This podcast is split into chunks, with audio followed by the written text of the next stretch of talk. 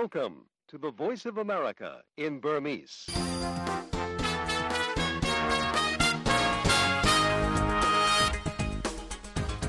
မင်္ဂလာညချမ်းပါသောရရှင်များရှင် VOA American အတန်ကနေ2024ခုနှစ်ဖေဖော်ဝါရီလ28ရက်ဗုဒ္ဓဘူးနေ့ညပိုင်း VOA မြန်မာပိုင်းစီစဉ်တွေကို American ပြည်ထောင်စု Washington DC မြို့တော်ကနေမြန်မာစံတော်ချိန်ည9:00နာရီကနေ10:00နာရီထိဓာတ်ရိုက်ထုတ်လွှင့်ပေးနေပါပြီ။ကျမတို့ရဲ့ Radio ထုတ်လွှင့်ချက်တွေကိုရုပ်သံကပါရှုစားနိုင်ကြပါပြီရှင်။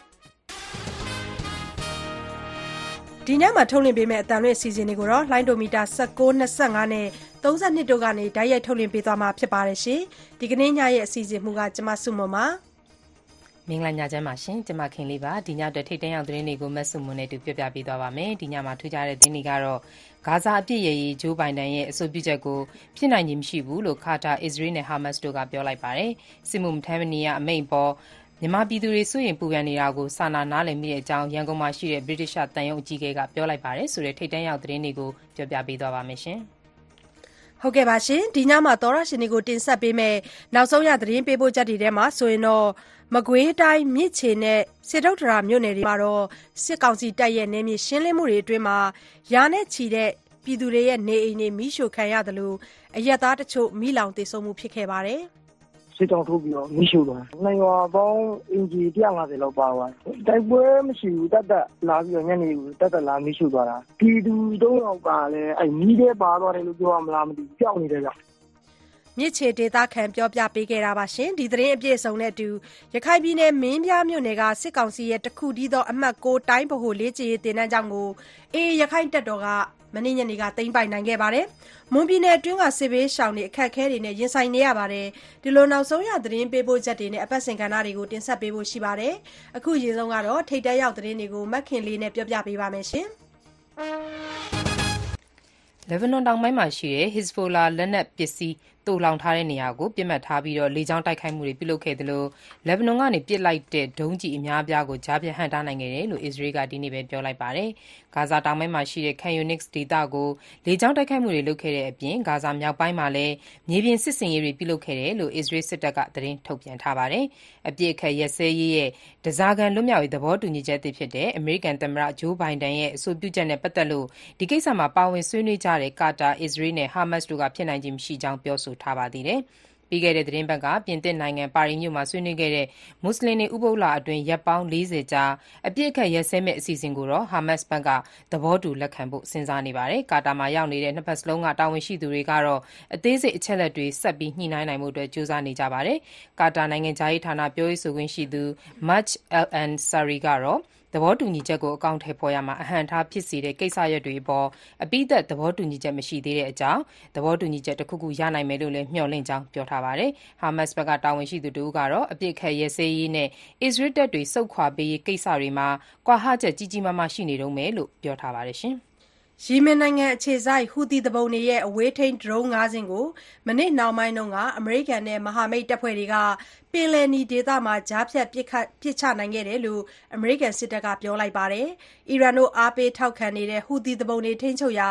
ယီမင်နိုင်ငံကနေ ပစ်လွှတ်လိုက်တာလို့လည်း အမေရိကန်စစ်တပ် အလယ်ပိုင်းဒေသ ကွပ်ကဲရေးဌာနက ပြောပါတယ်။အဲဒီ ဒရုန်းတွေက ဒေသတွင်းမှာရှိတဲ့ ကုန်တင်သင်္ဘောတွေ အမေရိကန်ရေတပ်နဲ့ မဟာမိတ်သင်္ဘောတွေအတွက် အန္တရာယ်ကြီးတာကြောင့် ပစ်ချခဲ့တယ်လို့လည်း ပြောပါတယ်။အမေရိကန်နဲ့ မဟာမိတ်တပ်တွေဟာ ပင်လယ်နီဒေသမှာသင်္ဘော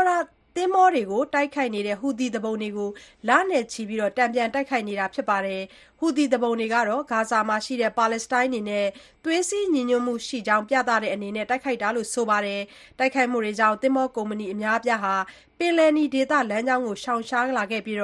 ပိုပြီး ခရီးရှည်ပြီး ကုန်ကျစရိတ်များတဲ့ အာဖရိကဘက် လမ်းကြောင်းတွေကို သုံးလာနေကြတာ ဖြစ်ပါတယ်။ ရုရှားရဲ့ကျူးကျော်မှုကို တိုက်ထုတ်နိုင်ဖို့ထပ်လောင်း ပံ့ပိုးကူညီမှုတွေရှာဖွေနေတဲ့ ယူကရိန်းသမ္မတ Volodymyr Zelenskyy ဟာ အယ်လ်ဘေးနီးယားမှာ ဒေသ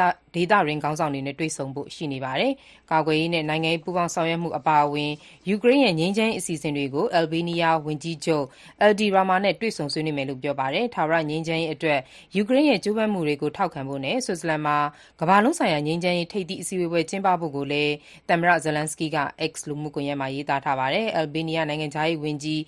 Eglii Hassani ကလည်း ယူကရိန်းရဲ့ ငြိမ်းချမ်းရေး ကြိုးပမ်းအားထုတ်မှုတွေကို အပြည့်အဝ ထောက်ခံကြောင်းနဲ့ ယူကရိန်း ပြန်လည်တည်ဆောက်ရေး ကြိုးပမ်းမှုတွေကို ကူညီဆောင်ရွက်ပေးဖို့ကိုလည်း ကတိကဝတ်ပြုကြောင်း ပြောပါတယ်။နှစ်နိုင်ငံ ဆက်ဆံရေးကို တိုးမြှင့်ဖို့နဲ့ ရုရှားရဲ့ ရန်လိုမှုကို တိုက်ဖျက်ရာမှာ ယူကရိန်းနဲ့ တသားတည်း ရပ်တည်မယ်လို့လည်း သူက X လူမှုကွန်ရက်မှာ ရေးသားထားပါတယ်။ရုရှားဟာ ဒရုန်း ၁၀ စီး အပါအဝင် အရေအတွက် မသတ်မှတ်နိုင်သေးတဲ့ ပဲ့ထိန်းဒုံးကျည်တွေနဲ့ ညဘက် တိုက်ခိုက်မှုတွေ လုပ်ခဲ့တယ်လို့လည်း ယူကရိန်းစစ်တပ်က ပြောထားပါတယ်။ယူကရိန်းလေတပ်ကတော့ Odesa နဲ့ Mykolaiv ဒေသတွေမှာ ကြားဖြတ်ဟန့်တားမှုတွေ ပြုလုပ်ခဲ့ပြီးဒရုန်း၁၀ စင်းကိုလည်း ဖျက်ဆီးခဲ့တယ်လို့ ပြောပါတယ်။အမေရိကန်ပြည်ထောင်စု Michigan ပြည်နယ်မှာ မနေ့ ဖေဖော်ဝါရီ ၂၇ ရက်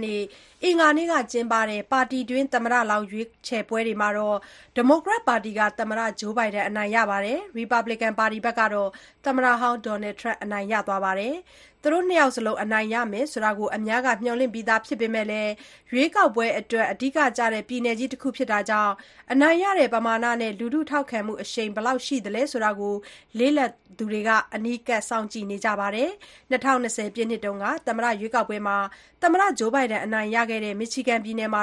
ဒီတကြိမ်မှာ Trump နဲ့ ပြန်လည်ယှဉ်ပြိုင်ရနိုင်ခြေရှိပါတယ်။ဒီမိုကရက်ပါတီတွင်း ရွေးကောက်ပွဲမဲအားလုံးရဲ့ သုံးပုံနှစ်ပုံ ရေတွက်ပြီးချိန်မှာ သမ္မတ Biden က ၈၁ရာခိုင်နှုန်းအနိုင်ရနေပြီးဒါပေမဲ့လည်း မဲအားလုံးရဲ့ ၁၃ ရာခိုင်နှုန်းကတော့သမ္မတ Biden ကို မဲပေးမယ့်အစားဘယ်သူ့ကိုမှ ထောက်ခံမဲ မပေးဘူးဆိုတဲ့ မဲကို ရွေးချယ်ထားပါတယ်။အာရပ်နွယ်ဖွား အများအပြားနေထိုင်တဲ့ Michigan ပြည်နယ်မှာအစ္စရေးနဲ့ ဟာမတ်စ်တို့ရဲ့ ဂါဇာပဋိပက္ခအတွင်း သမ္မတ Biden က အစ္စရေးကို ထောက်ခံတဲ့ မူဝါဒကို ကန့်ကွက်တဲ့အနေနဲ့ ဒီမိုကရက်ပါတီဝင်တချို့က ဘယ်သူ့ကိုမှ မဲမပေးဘူးဆိုတဲ့ မဲပြားတွေထားခဲ့ကြပါတယ်။သမ္မတဟောင်း Donald Trump အတွက်တော့ ရီပတ်ဘလစ်ကန်ပါတီတွင်း သမ္မတလောင်း ပဏာမ ရွေးချယ်ပွဲတွေမှာ ၆ ကြိမ်မြောက် ဆက်တိုက် အနိုင်ရရှိနေပါတယ်။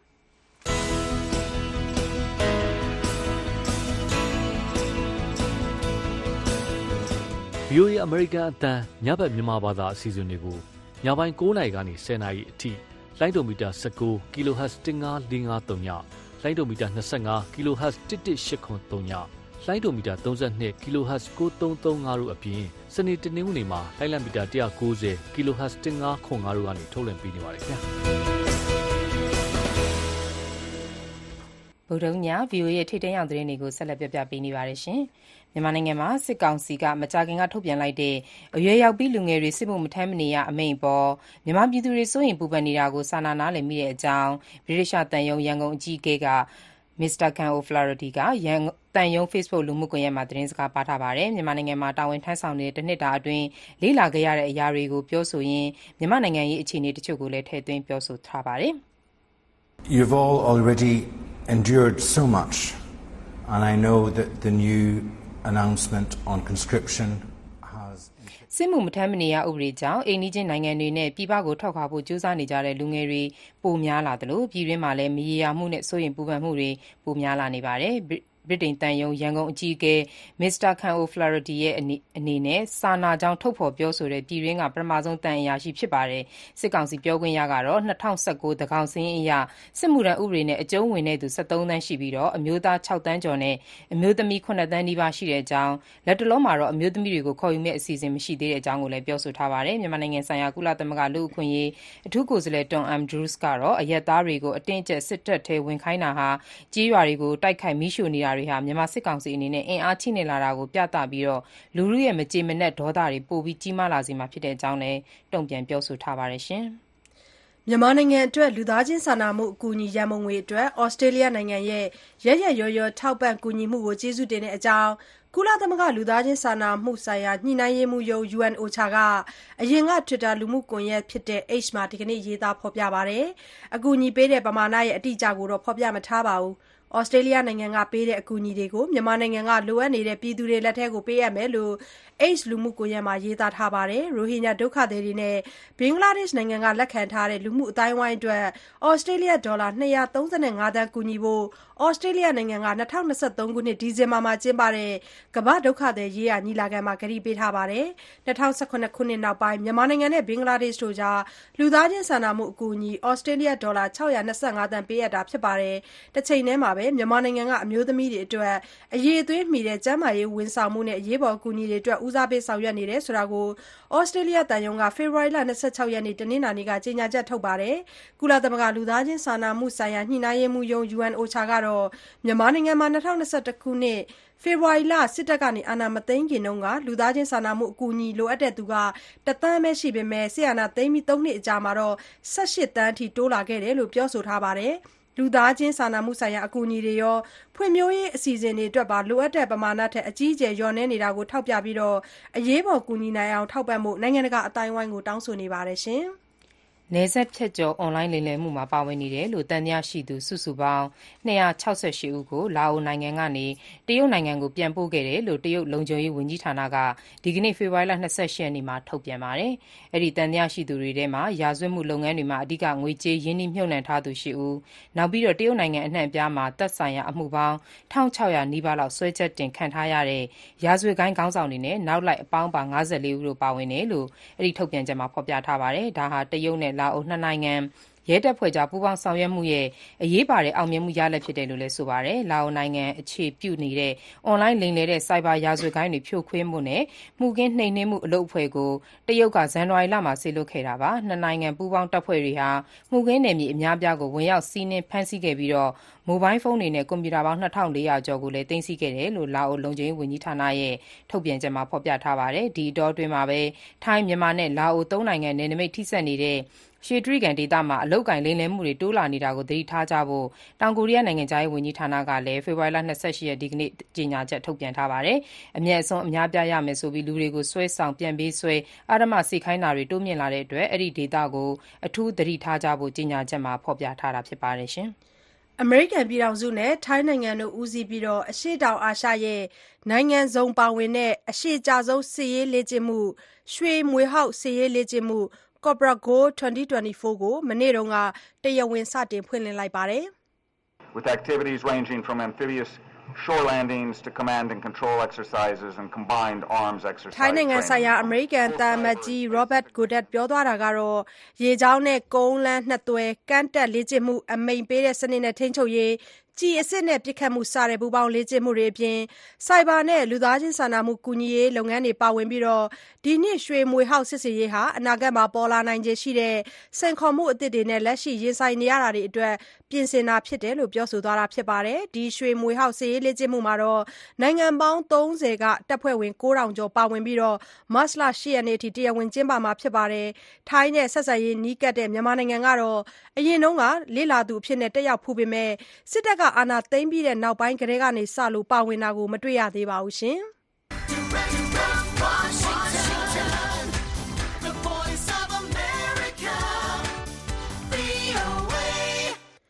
ဗုဒ္ဓဟူးညရဲ့ ထိပ်တန်းရောက်သတင်းတွေကို မခင်လေးနဲ့အတူ တင်ဆက်ပေးခဲ့တာပါ။အခုဆက်ပြီး သတင်းပေးပို့ချက်တွေကိုဆက်တိုက်တင်ဆက်ပေးကြပါမယ်။အရင်ဆုံး မကွေးတိုင်း မြစ်ခြေနဲ့ စေတုတ္တရာမြို့နယ်ထဲမှာ စစ်ကောင်စီတပ်ရဲ့ နယ်မြေရှင်းလင်းမှုတွေအတွင်း အရပ်သားပြည်သူတွေ ထိခိုက်သေဆုံးရတဲ့သတင်းကို တင်ပြပေးကြပါမယ်။ မကွေးတိုင်း မြစ်ခြေမြို့နယ်နဲ့ စေတုတ္တရာမြို့နယ်တွေမှာ စစ်ကောင်စီတပ်ရဲ့ နယ်မြေရှင်းလင်းရေးအတွင်း ကာကွယ်ရေးတပ်ဖွဲ့တွေနဲ့ တိုက်ပွဲအပြင်းအထန်ဖြစ်ပွားပြီး ရာနဲ့ချီတဲ့ ပြည်သူတွေရဲ့ နေအိမ်တွေ မီးရှို့ခံရသလို အရပ်သားတချို့လည်း မီးလောင်သေဆုံးခဲ့ပါတယ်။မန္တလေးတိုင်း မတရာမြို့နယ်မှာလည်း စစ်တပ်ရဲ့ နယ်မြေရှင်းလင်းရေးအတွင်း အရပ်သားတွေ သတ်ဖြတ်ခံရပါတယ်။စစ်ရေးတင်းမာနေတဲ့ စစ်ကိုင်းတိုင်းထဲက ကလေးတောင်ပိုင်းမှာလည်း တိုက်ပွဲတွေဆက်ရှိပြီး စစ်ကောင်စီဘက်ကလေကြောင်းကနေ တိုက်ခိုက်နေပါတယ်။မကွေးတိုင်း၊မန္တလေးတိုင်းနဲ့ စစ်ကိုင်းတိုင်းထဲက စစ်ရေးအခြေအနေတွေအကြောင်း ရန်ကုန်က သတင်းပေးပို့ချက်ကို အခြေခံပြီး ကိုငြိမ်းချမ်းပြောပြပါမယ်။မကွေးတိုင်း မြစ်ချေမြို့နဲ့ ကံမမြို့ကားလမ်းဘေးမှာရှိတဲ့ ချိုင်ကျေးရွာကို ရွာနဲ့2မိုင်လောက်ဝေးတဲ့ ဖလန်အိုရွာမှာတက်ဆွဲနေတဲ့ စစ်တပ်က ဖေဖော်ဝါရီလ28ရက် ညနေပိုင်းမှာ ဝင်ရောက်လာပြီး အရက်သားတွေရဲ့ နေအိမ်ကို မီးရှို့ခဲ့တယ်လို့ ဒေသခံတွေက ပြောပါတယ်။ တိုက်ပွဲဖြစ်တာမရှိဘဲဝင်မီးရှို့ခဲ့တာဖြစ်ပြီးတော့အရက်သားတွေလည်းနေအိမ်ထဲမှာမီးလောင်သေဆုံးခဲ့တယ်လို့မြစ်ချေဒေသခံတူကခုလိုပြောပါတယ်။မနေ့ကညနေ၄နာရီခွဲကနေစပြီးစစ်ကြောင်းထိုးတာဗျ။ချိုင်းရှိချိုင်းနောက်ချိုင်းကိုစစ်ကြောင်းထိုးပြီးတော့မီးရှို့သွားအဲအဲ့နှစ်ရွာနှစ်ရွာပေါင်းအင်ဂျီ150လောက်ပါသွားတယ်။တိုက်ပွဲမရှိဘူးတတ်တတ်လာပြီးတော့ညနေတတ်တတ်လာမီးရှို့သွားတာ။ ပြည်သူ ၃ ယောက်ကလည်းအဲ့မီးထဲပါသွားတယ်လို့ ပြောရမလားမသိဘူး ပျောက်နေတယ်ဗျအဲ့အလောင်းတစ်လောင်းကတော့အမီးထဲကတွေ့တယ် မိန်းမတွေလောင်းကတော့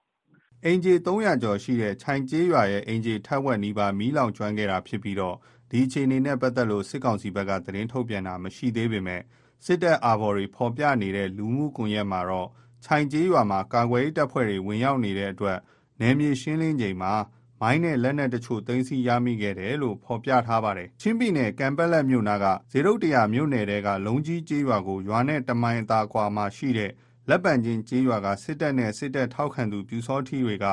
ဖေဖော်ဝါရီလ25ရက်မှာဝင်ရောက်ပြီးမိရှို့ခဲ့တယ်လို့ကာကွယ်ရေးတပ်ဖွဲ့တွေကပြောပါတယ်။ကာကွယ်ရေးတပ်ဖွဲ့တွေစိုးမိုးနယ်မြေတဲကိုနယ်မြေရှင်းလင်းမှုရောက်လာချိန်မှာလမ်းမှာထိတွေ့တိုက်ပွဲတွေဖြစ်ပွားခဲ့ပြီးစစ်တပ်ဘက်ကအထိနာတဲ့အတွက်အင်ဂျီ130ရှိတဲ့ လုံးကြီးကျေးရွာကိုမီးရှို့ဖျက်ဆီးသွားတာလို့လည်းပြောပါတယ်။နေအိမ်109လုံးမီးလောင်ကျွမ်းခဲ့ပြီးစာတင်ကျောင်းနဲ့ဘုံကြီးကျောင်းမှာမီးလောင်ပျက်စီးသွားခဲ့ပါတယ်။လူထိကြိုက်တာမရှိဘဲတရွာလုံးစစ်ဘေးရှောင်နေရတဲ့အတွက်စားနပ်ရိက္ခာအကူအညီတွေလိုအပ်နေတယ်လို့လည်းကူညီပေးရေးဆောင်ရွက်နေသူတွေကပြောပါတယ်။မန္တလေးတိုင်းပြည်ဦးလွင်ခရိုင်ထဲကမတရားမြို့နယ်ထဲမှာလည်းစစ်တပ်ကနယ်မြေရှင်းလင်းရေးတွေလုပ်နေပါတယ်။မတရားမြို့ပေါ်မှာတက်ဆွဲထားတဲ့စစ်တပ်ဟာဖေဖော်ဝါရီလ28ရက်မနက်3နာရီလောက်မှာ မြို့မြောက်ဘက်ကကြေးရွာတွေဘက်ကို ရောက်လာပြီး နယ်မြေရှင်းလင်းရေးတွေလုပ်နေတာပါ။နယ်မြေရှင်းလင်းရေးအတွင်း နေနေမိရှို့ဖျက်ဆီးခံရပြီးတော့အမျိုးသားနှစ်ဦးလည်းတပ်ဖြတ်ခံခဲ့ရတယ်လို့ မတရားမျိုးသတင်းတာဝန်ခံက VOA ကို အခုလို ပြောပါတယ်။"စကစဟာဆိုရင်ကျနော်တို့အင်အား၁ ၀၀ဝန်းကျင်ခန့်နဲ့ ကျနော်တို့ မတ္တရာမြို့နယ် မြစ်ကမ်းကျေးရွာ၊ဆင်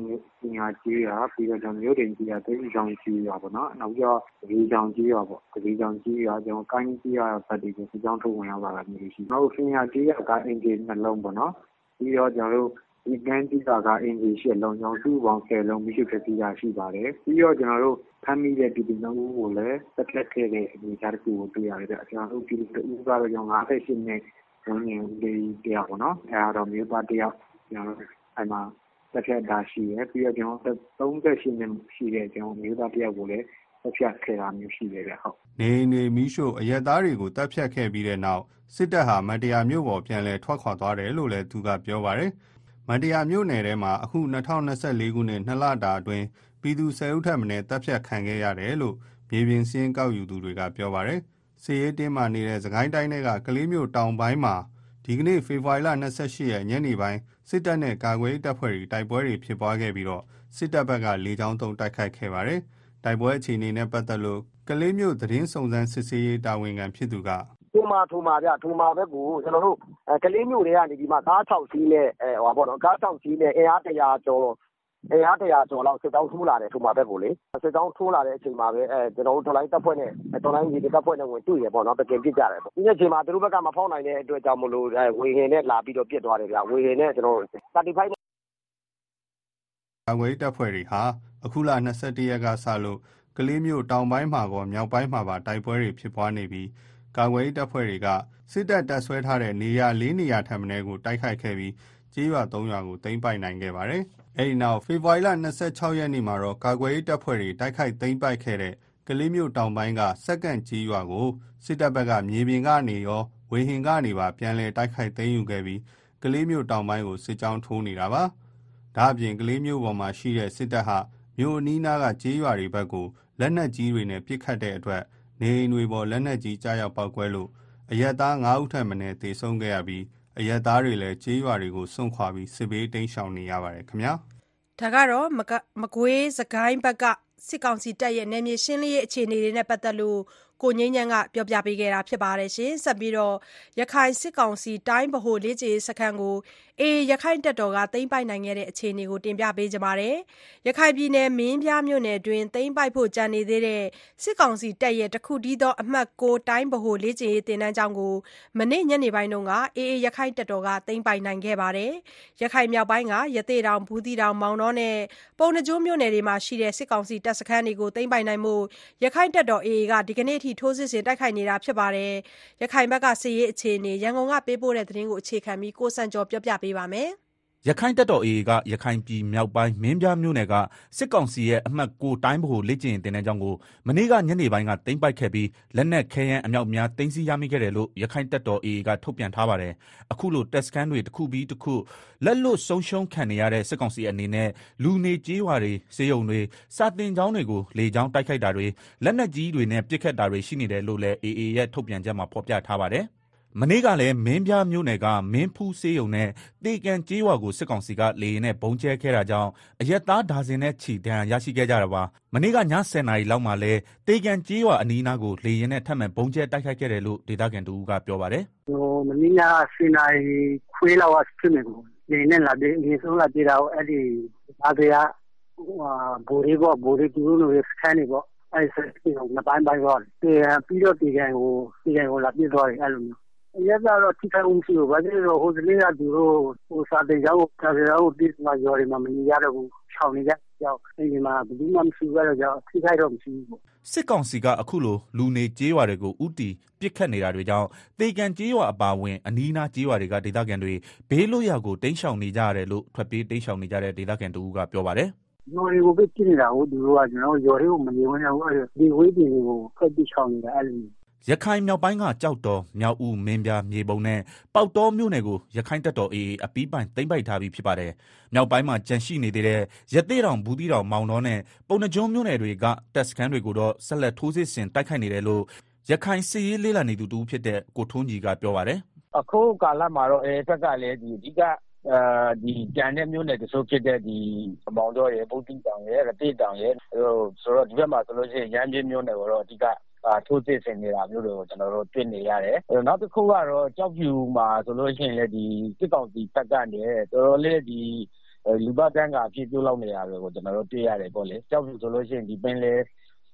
ကိုင်းစန်းထဲမှာဒီတက်လေတွေကို လုံးဝထောက်ခွင့်မရှိဘူး။တက်လေကို အိမ်နာကို တင်ထားရမယ်ဆိုတဲ့ဟာမျိုးဒီတင်းတင်းကြပ်ကြပ်လောက်လာတာမျိုးတွေ ရှိတယ်။လောလောဆယ် အချိန်နေအထီးကတော့ဒီအဲဘက်က ထိုးဆက်ကလည်း အရှင်မြင့်ထားတယ်မြင့်ထားတာကို တွေ့တယ်လို့ဒီစစ်ကောင်စီဘက်ကလည်း တော်တော်လေး အလူလက်ခံနေရတဲ့ အခြေအနေမျိုး ရှိတယ်လို့တော့ ပြောလို့ရတယ်ဗျ အခုလို တိုက်ပွဲတွေကြောင့် ရခိုင်ပြည်နယ်မှာ အိုးအိမ်စွန့်ခွာ ထွက်ပြေးနေရသူတိမ့်နဲ့ချီ ရှိနေတာပါ။ဒါ့အပြင် ရခိုင်ပြည်တွင်း ကုန်းလန်း ရေလန်းတွေကို စစ်ကောင်စီက ပိတ်ဆို့ထားသလို ကုန်စည်စည်းစိမ်မှုတွေကို စစ်ကောင်စီက ကန့်သက်ထားတာကြောင့် ဒေသခံတွေ အခက်ကြုံနေကြရတာပါ။ရခိုင်လက်နက်ကိုင် AA ကတော့ ရခိုင်ပြည်နယ်အတွင်းက စစ်ကောင်စီတပ်စခန်းအားလုံးကို တခုမကြံတိုက်ထုတ်သွားမယ်လို့ထုတ်ပြန်ထားပါတယ်ခင်ဗျာ။ဒါကတော့ရခိုင်မင်းပြားကစစ်ကောင်စီတိုင်းဗဟိုလေးခြေစခန်းကိုအေရခိုင်တပ်တော်ကသိမ်းပိုက်နိုင်ခဲ့တဲ့အခြေအနေကိုစံကြော်တင်ပြပေးခဲ့တာဖြစ်ပါတယ်ရှင်။အခုဆက်ပြီးမွန်ပြည်နယ်ဘက်ကစစ်ဘေးရှောင်ပြည်သူတွေအခက်ကြုံနေရတဲ့သတင်းကိုတင်ပြပေးကြပါမယ်။မွန်ပြည်တွေ မွန်ပြည်နယ်အတွင်းက စစ်ဘေးရှောင်ပြည်သူတွေဟာ စားဝတ်နေရေး ခက်ခဲလာတဲ့အတွက် တချို့က နယ်စပ်ဖြတ်ကျော်ပြီးအလုပ်လုပ်နေကြရသလို တချို့ကလည်း အကူအညီရတဲ့ ဒေသတွေဆီ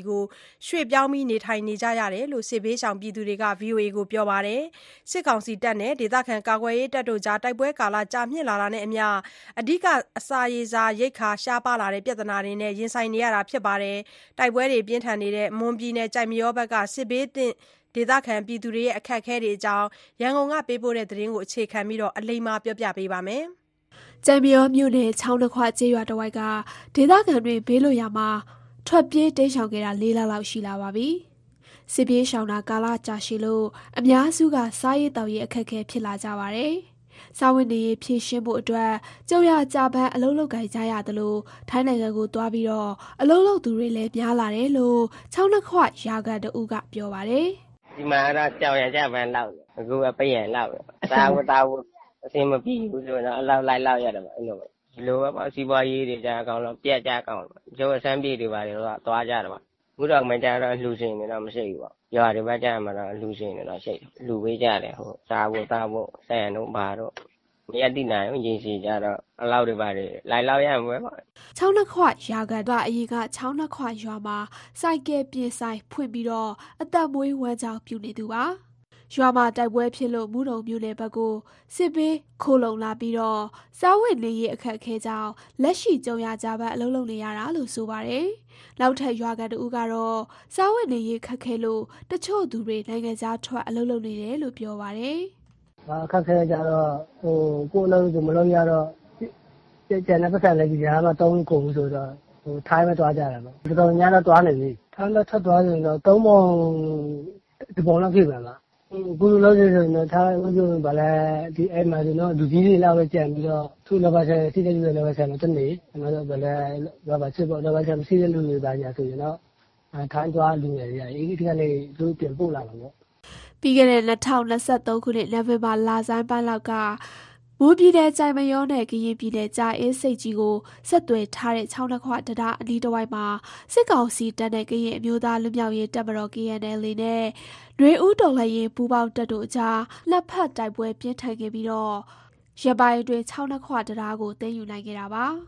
တိုက်ပွဲကြောင့်ချောင်းနှစ်ခွတောင်ကလေးဖျားကုန်းမဲတယိုကြောက်ကွဲမယန်းကုံဖတ်တေးကုံ ကော့ခမာကော့ပလော့အထာယကနာလိုလှကဆိုင်ကြံတော်အကလောမယီကလာ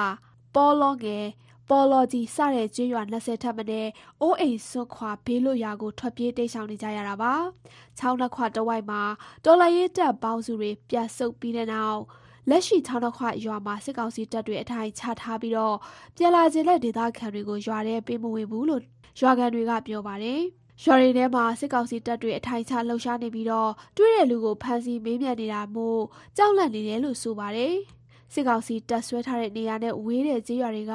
ပြန်လာကြပေမဲ့ချောင်းနှခွနဲ့အနီးနားကရွာတွေကတော့မပြန်နိုင်သေးဘူးလို့ရွာကန်ကအခုလိုပြောပါတယ်ပြန်တော့ပြန်ချင်တော့ပြောအောင်ရိုင်းချမ်းစီချင်တော့ဆောင်းခွာရောဖယားကောင်းရောဖတ်တိကောင်းရောပြန်မရဘူးပေါ့အဲ့ဒီပြည့်တဲ့နဲ့မဆိုရင် ဘယ်ရွာမှအခုထိမပြန်နိုင်ကြသေးဘူး။အခုခါအခြေအနေတည်ငြိမ်နေတာတစ်လကျော်လောက်ရှိပြီလို့ရွာကန်တွေကပြောပါတယ်။စစ်ရေးတည်ငြိမ်နေတဲ့အချိန်စစ်ကောင်စီတပ်စခန်းနဲ့လှမ်းတဲ့ကျွေးရွာတချို့ကနေရက်ပြန်လာနေကြပါတယ်။စစ်ပြေးဒုက္ခတဲ့အများစုကမုထုံမြို့နယ်ဘက်က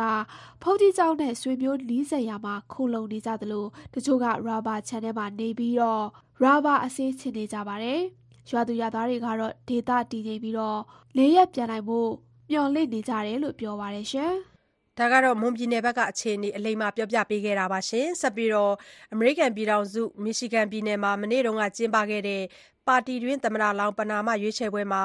မဲပေးခဲ့တဲ့သူနဲ့ ဆက်သွယ်မေးမြန်းထားတာကို တင်ပြပေးကြပါမယ်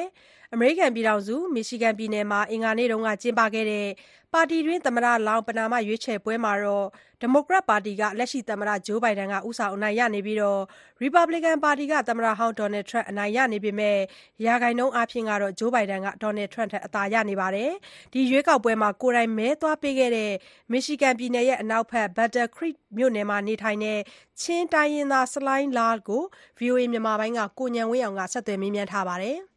ဆလိုင်းလာခင်ဗျမီရှီဂန်ပြည်နယ်ကပါတီတွင်သမ္မတလောင်းပနာမရွေးပွဲကိုမဲပေးပစ်လာခင်ဗျဘယ်ပါတီကောင်းဆောင်ကိုမဲပေးပစ်တာလဲခင်ဗျဟုတ်ကဲ့ကျွန်တော်တို့မိသားစုနှစ်ယောက်ရှိတာနှစ်ယောက်စလုံးတော့ပေးပြီးပါပြီအာကျွန်တော်ကတော့အာဒီနိုင်ငံအတွက်အကောင်းဆုံးလုပ်ပေးနိုင်မဲ့သူတော့မေးပေးခဲ့တယ်ကိုအဲ့လိုပဲကျွန်တော်ပြောချင်တယ် ပြီးတော့ကျွန်တော်အမျိုးသမီးကတော့သူလည်းသူ့ရဲ့ဆန္ဒအတိုင်းပဲအာသူအာဗုတ်တယ်သူပါဗုတ်လဲဆိုတော့ကျွန်တော်လည်းမသိပါဘူးခင်ဗျဆိုတော့ကျွန်တော်တို့အာအဓိကတော့ဒီနိုင်ငံအတွက်အကောင်းဆုံးလုပ်ပေးနိုင်မဲ့သူပေါ့လေအဲ့ဒီဟာကိုကျွန်တော်ဗုတ်ခဲ့တယ်လို့ပဲကျွန်တော်ပြောချင်တယ်ဟုတ်ကဲ့မေးပေးခဲ့တယ်ဟုတ်ကဲ့အဲ့ဒီမီရှီဂန်ပြည်နယ်မှာလေဒီဒီမိုကရက်နဲ့ရီပတ်ဘလီကန်ပါတီတွေကဘယ်ကောင်းဆောင်တွေမဲရဖို့ပုံများနေလဲခင်ဗျအာအဓိကက ထင်ရှားတဲ့ခေါင်းဆောင်က Republican ဘက်ဆိုရင်တော့အာဒီ Donald Trump ပေါ့ပြီးတော့ Nikki Haley ပေါ့သူတို့နှစ်ယောက်ရယ်ပြီးတော့တခြားလူတွေ3 4 5ယောက်လောက်ပါမယ်ထင်တယ်ပြီးတော့ Democrat ဘက်ဆိုလို့ရှိရင်တော့ဒီအဓိကတော့အခုလက်ရှိသမ္မတလေသူပါမယ်ပြီးတော့တခြားကျွန်တော်တခြားပါတီတော့မသိဘူးဆိုတော့တကယ်ရွေးကောက်ပွဲအချိန်ရောက်လာရင်ဒီမီရှီဂန်ပြည်နယ်မှာဘယ်ပါတီရဲ့သမ္မတလောင်းက အနိုင်ရခြေ ပိုများမယ်ခံမှန်းလဲခင်ဗျအာကျွန်တော်တို့ Michigan State က swing state ဆိုတော့လေ အခုကျွန်တော်နေတဲ့နေရာက West Michigan ဆိုတော့ ဒီ East Michigan ဘက်မှာ အဓိကအားဖြင့် သူတို့ ဒီ Michigan ရဲ့ ရွေးကောက်ပွဲကို အဓိကအားဖြင့် အဲ့ဘက်ကနေဘေးဘက်ကို သူတို့ vote ပေးတာများတယ်ဆိုတဲ့ပုံမူတည်ပြီးတော့လေ များသောအားဖြင့် အနိုင်ရသွားကြတာပေါ့ ဆိုတော့ ကျွန်တော်အထင်အမြင်ပြောမယ်ဆိုလို့ရှိရင် East ဘက်မှာဆိုလို့ရှိရင် East Michigan ဘက်မှာဆိုလို့ရှိရင် Republican ဘက်မှာဆိုရင်တော့ဒီများသောအားဖြင့် Nikki Haley ကိုပေးမယ်လို့ကျွန်တော်ထင်တယ်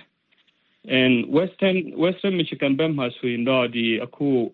သမ္မတဟောင်း Donald Trump ပေါ့လေအဲ့ဒါပေးမယ်လို့ကျွန်တော်ထင်တယ်ပြီးတော့ဒီအာ Democrat ဘက်မှာဆိုရင်တော့လက်ရှိအခုအာသမ္မတပဲလက်ရှိသမ္မတ Joe Biden ပေါ့အနိုင်ရမယ်လို့ကျွန်တော် ယုံတယ်ဘယ်ချိန်ကျရင် result ထွက်လာမယ်ဆိုတော့ကျွန်တော်လည်းမသိဘူးအာကျွန်တော်တရင်ထဲမှာကြားတလောက်ကတော့ဒီကျွန်တော်ရဲ့ state secretary က announce သွားတာလေ early voting system နဲ့ vote တဲ့လူကဒီနှစ်မှာ1 million လောက်ရှိတယ်လို့သူ announce လုပ်သွားတယ် ဒါကတော့မီရှီဂန်ပြည်နယ်က သမ္မတလောင်း ပဏာမ ရွေးချယ်ပွဲမှာ မဲပေးခဲ့တဲ့ အမေရိကန်နိုင်ငံသား မြန်မာနွယ်ဖွားကို ကိုဉာဏ်ဝင်းအောင်က ဆက်သွယ်မေးမြန်းခဲ့တာပါ။ဒီကနေ့ညရဲ့ သတင်းပေးပို့ချက်တွေကတော့ ဒီလောက်ပါပဲ။မကြာခင် ထုတ်လွှင့်ပေးမယ့် ဒုတိယပိုင်း နာရီဝက်မှာတော့ အပတ်စဉ်ကဏ္ဍ အစီအစဉ်တွေကို ရှုစားနားဆင်ရဖို့ ရှိပါတယ်။ VOA အစီအစဉ်တွေကို ရေဒီယို ရုပ်မြင်သံကြားတို့အပြင် YouTube စာမျက်နှာကနေလည်း နားဆင်ကြည့်ရှုနိုင်ပါတယ်။ VOA မြန်မာပိုင်း YouTube စာမျက်နှာလိပ်စာကတော့ youtube.com/voaburmese ဖြစ်ပါတယ်။ မင်္ဂလာညချမ်းပါသောရရှင်များရှင် VOA အမေရိကန်အတန်ရဲ့2024ခုနှစ်ဖေဖော်ဝါရီလ28ရက်ဗုဒ္ဓဖူးညချမ်းအတန်လွင့်အစီအစဉ်တွေကိုအမေရိကန်ပြည်ထောင်စုဝါရှင်တန် DC မြို့တော်ကနေတိုက်ရိုက်ထုတ်လွှင့်ပေးနေတာဖြစ်ပါတယ်ရှင်။လိုင်းဒိုမီတာ19 kHz 15553ညလိုင်းဒိုမီတာ25 kHz 11803ညလိုင်းဒိုမီတာ32 kHz 9335တို့ကနေတိုက်ရိုက်ထုတ်လွှင့်ပေးသွားမှာဖြစ်ပါတယ်။အခုဒုတိယပိုင်းနိုင်ဝက်မှာတော့ editor နဲ့ဆွေးနွေးခန်း Generation Z အစီအစဉ်နဲ့ အားကစားကဏ္ဍတွေကို တင်ဆက်ပေးဖို့ရှိပါတယ်။အခုအရင်ဆုံးကတော့ ဦးကျော်ဇံသာရဲ့ editor နဲ့ ဆွေးနွေးခန်းအစီအစဉ်ကို တင်ဆက်ပေးကြပါမယ်။ဒီသတင်းပတ်မှာတော့ ယူကရိန်းစစ်နဲ့ အမေရိကန်အကူအညီဆိုတဲ့ ခေါင်းစဉ်နဲ့ တင်ဆက်ထားပါတယ်။ရုရှားတို့ရဲ့ ကျူးကျော်မှုကို ယူကရိန်းဘက်ကတံပြန်ထိုးစစ်ဆင်နေတဲ့အချိန်မှာပဲ ရုရှားတွေက နယ်မြေတွေကို သိမ်းပိုက်ပြီး အောင်ပွဲခံနေပါတယ်။ဒါကတော့ အမေရိကန်နဲ့ မဟာမိတ်တို့ရဲ့ အကူအညီ မရနိုင်ခဲ့လို့ပဲ ဖြစ်တယ်လို့ ဆိုပါတယ်။ ပြည်ပအကူအညီ အထူးသဖြင့် အမေရိကန်တို့ရဲ့ အကူအညီက ယူကရိန်းအတွက် ဘယ်လောက် အရေးပါပါသလဲ။ရှေ့ဆက်ပြီးဘာတွေ ဖြစ်လာနိုင်ခြေ ရှိသလဲဆိုတာကို ဒီသတင်းပတ်ရဲ့ အယ်ဒီတာနဲ့ ဆွေးနွေးခန်း အစီအစဉ်မှာ ဦးကျော်စံသာကို မမြတစင်အောင်က ဆွေးနွေးတင်ပြထားပါတယ်။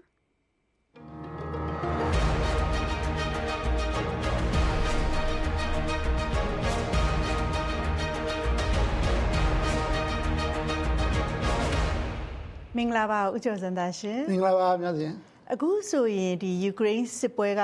၃နှစ်ထဲကိုဝင်လာပါပြီအခြေအနေကဘယ်လိုရှိပါလဲဘယ်ဘက်ကနိုင်နေပါလဲမွေးလင်းလင်းပြောရင်တော့ယူကရိန်းဘက်ကနည်းနည်းအရေးနိုင်နေတယ်လို့ပြောမှဖြစ်ပါတယ်အခု၃နှစ်ထဲဝင်လာပြီနှစ်နှစ်ထဲရောက်တော့ယူကရိန်းကဘာစဉ်းစားလာလဲဆိုတော့ counter offensive တံပြန်ထိုးစစ်ဆင်မယ်ဆိုတော့ကျူးကျော်လာတဲ့ရုရှားတပ်တွေကိုတံပြန်ထိုးစစ်ဆိုတော့သူတို့ပြတ်ထန်ဆုံးကြိုးစားခဲ့ပါတယ်ဒါပေမဲ့မအောင်မြင်ပါဘူး ပထမဆုံးရုရှားတွေကသူတို့ရဲ့ယူကရိန်းမြို့ဖြစ်တဲ့ဘာကူကိုပြန်သိမ်းသွားတယ်နောက်မကြာသေးခင်လပိုင်းအတွင်းမှာပဲအာဖတီအာဖတီကာကိုသိမ်းတယ်ဆိုတော့ဒါဒီဟာတကယ်ကို landmark victory for Russia ရုရှားတွေအတွက်မှတ်လောက်သလားအောင်ပွဲဖြစ်ပါတယ်ဒါယူကရိန်းသမ္မတတို့ကလည်းဝန်ခံကြတယ်နောက်တစ်ခါစီးရင်အဖြစ်ရှင်မယ်ဆိုရင်လည်းရုရှားကယူကရိန်းထက်အများကြီးအင်အားသာပါတယ်ရုရှားအမေရိကန်ပြည်ကဘာမှာစီးရင်အကြီးဆုံးနိုင်ငံဖြစ်တယ် ဆိုတော့ယူကရိန်းကသူများအကူအညီနဲ့နေရတာဖြစ်ပါတယ်စစ်ရင်အားဖြင့်စစ်သားအရေးအတွက်ကအစ military service ဒီဝန်ထမ်းတွေကြီးမယ်ဆိုရင်